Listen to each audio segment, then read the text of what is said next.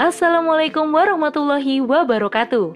Hai Sobat Narasi Pos di mana pun Anda berada, kembali lagi bersama saya Giriani di podcast Narasi Pos. Kali ini di rubrik motivasi, narasipos.com, cerdas dalam literasi media, bijak menangkap peristiwa kunci. Dakwah butuh jiwa yang ikhlas oleh Merli Umuhila. Syekh Ibnu Athaillah dalam makalah kitab Al-Hikam bab tentang amal dan ikhlas menyampaikan, amal itu semata bentuk-bentuk yang tampil, adapun roh-roh yang menghidupkannya adalah terdapatnya rahasia ikhlas dalam amal perbuatan itu. Dakwah butuh jiwa yang ikhlas. Jika direnungkan, Ikhlas memang menjadi syarat mutlak seorang pengemban dakwah, terlebih jika berada dalam sebuah harokah. Kesabaran dan keikhlasan benar-benar diuji. Bagaimana mungkin kita mampu bersinergi, bergandengan tangan demi sebuah tujuan tanpa keikhlasan? Dalam sebuah gerakan yang di dalamnya ada berbagai karakter, tidak akan terjalin hubungan yang harmonis jika kita mendahulukan ego merasa benar, dan tidak mau mengalah. Mempermasalahkan hal-hal yang remeh yang sebenarnya masih bisa dimaklumi, tidak bisa menerima perbedaan pandangan.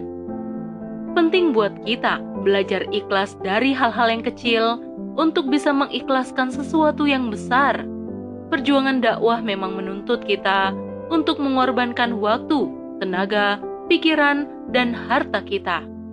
Bagaimana mungkin kita bisa mengikhlaskan itu semua jika hal-hal sepele saja masih kita permasalahkan? Berselisih paham yang berujung saling mendiamkan, menggerutui hal-hal yang tidak penting hanya karena terbawa perasaan. Terlebih lagi, ikhlas adalah syarat diterimanya amal. Ketika sudah berazam menjadi bagian dari pejuang Islam, rasanya aneh jika tujuan berjuang bukan semata mencari ridha Allah Subhanahu wa Ta'ala. Tentu semua sepakat bahwa niat berjuang semata karena Allah, tapi bukan berarti hati ini aman dari godaan setan. Niat di awal kadang berubah di tengah jalan. Bukankah Allah Maha membolak-balikan hati bagi siapa saja yang dikehendakinya? Kadang rasa jemawa menyerang hati yang merasa paling berperan merasa paling bisa, paling diandalkan, menganggap rendah teman seperjuangan yang minim kontribusi, meremehkan perjuangannya yang hanya secuil di matanya. Astagfirullah, semoga kita dijauhkan dari perasaan demikian, karena kita tidak bisa memfonis besar kecilnya pahala. Entah amalan apa yang diterima, hanya menjadi rahasianya. Ikhlas mutlak diperlukan dalam perjuangan berjemaah, karena diperlukan kekompakan dalam menjalankan setiap aktivitas dakwah. Bahu-membahu di medan perjuangan, saling berbagi, saling menguatkan, saling mendukung demi sebuah kemenangan. Sekecil apa pun kontribusi akan bernilai besar jika dilakukan dengan penuh keikhlasan. Bukankah sebuah kendaraan tidak hanya butuh mesin yang besar, tapi komponen kecil pun menjadi kunci bergeraknya sebuah kendaraan. Tidak boleh memandang sepele apa pun aktivitas dakwah. Sebagai pengemban dakwah, hendaknya kita menghilangkan sifat-sifat negatif yang bisa mencederai keikhlasan.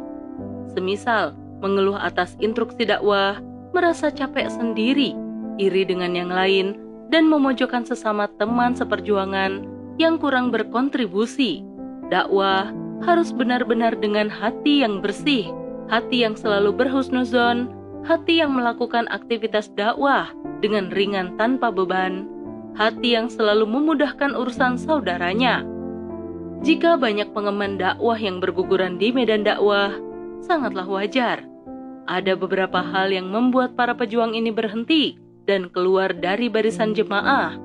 Salah satunya adalah niat yang salah niat ketika bergabung dalam gerakan karena ingin mendapatkan maslahat.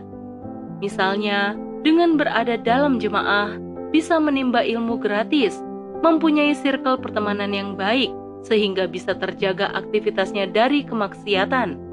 Berharap dengan bergabung dengan jemaah, ada teman yang membantu jika ada kesulitan dan asas maslahat yang lainnya. Padahal, sebuah gerakan dakwah mempunyai visi misi perjuangan. Setiap anggota yang tergabung dituntut untuk mengerahkan seluruh tenaga, pikiran, dan hartanya demi dakwah. Namun, ketika semangat juangnya tidak terbangun sejak awal, maka pejuang ini akan gugur sebelum bertempur. Aktivitas dakwahnya terkesan seadanya, bahkan kadang tidak terlihat. Pada akhirnya, ketika ada permasalahan pribadi yang menyibukkannya, pejuang ini memilih keluar dari barisan jemaah. Maka, di sinilah keikhlasan berperan dalam menentukan kecondongan hati seorang pejuang. Jika niat dari awal bergabung demi maslahat dunia, maka tidak akan ada semangat juang di hatinya. Pejuang ini akan mudah diserang penyakit malas, bosan, dan tidak punya loyalitas terhadap harokah merasa berat untuk berkorban, baik waktu, tenaga, maupun harta. Masih berpikir untung rugi dan terkesan seolah dakwah hanya untuk mengisi waktu luang. Namun tidak demikian jika niat bergabung semata mencari ridha Allah Subhanahu wa taala. Pejuang yang meyakini bahwa dengan bergabung dengan harokah dakwah akan menjadi wasilah untuk menjadi orang-orang yang beruntung sebagaimana firman Allah Subhanahu wa taala dalam surah Ali Imran ayat 104 bahwasanya harus ada segolongan orang yang menyeru kepada kebajikan dan mencegah kemungkaran. Dengan niat yang lurus tadi, di dalam hatinya akan tumbuh semangat juang yang kuat. Semakin banyak ilmu yang didapatkan dari harokah, maka akan semakin besar semangat juangnya. Wallahu a'lam bisawab. Wassalamualaikum warahmatullahi wabarakatuh.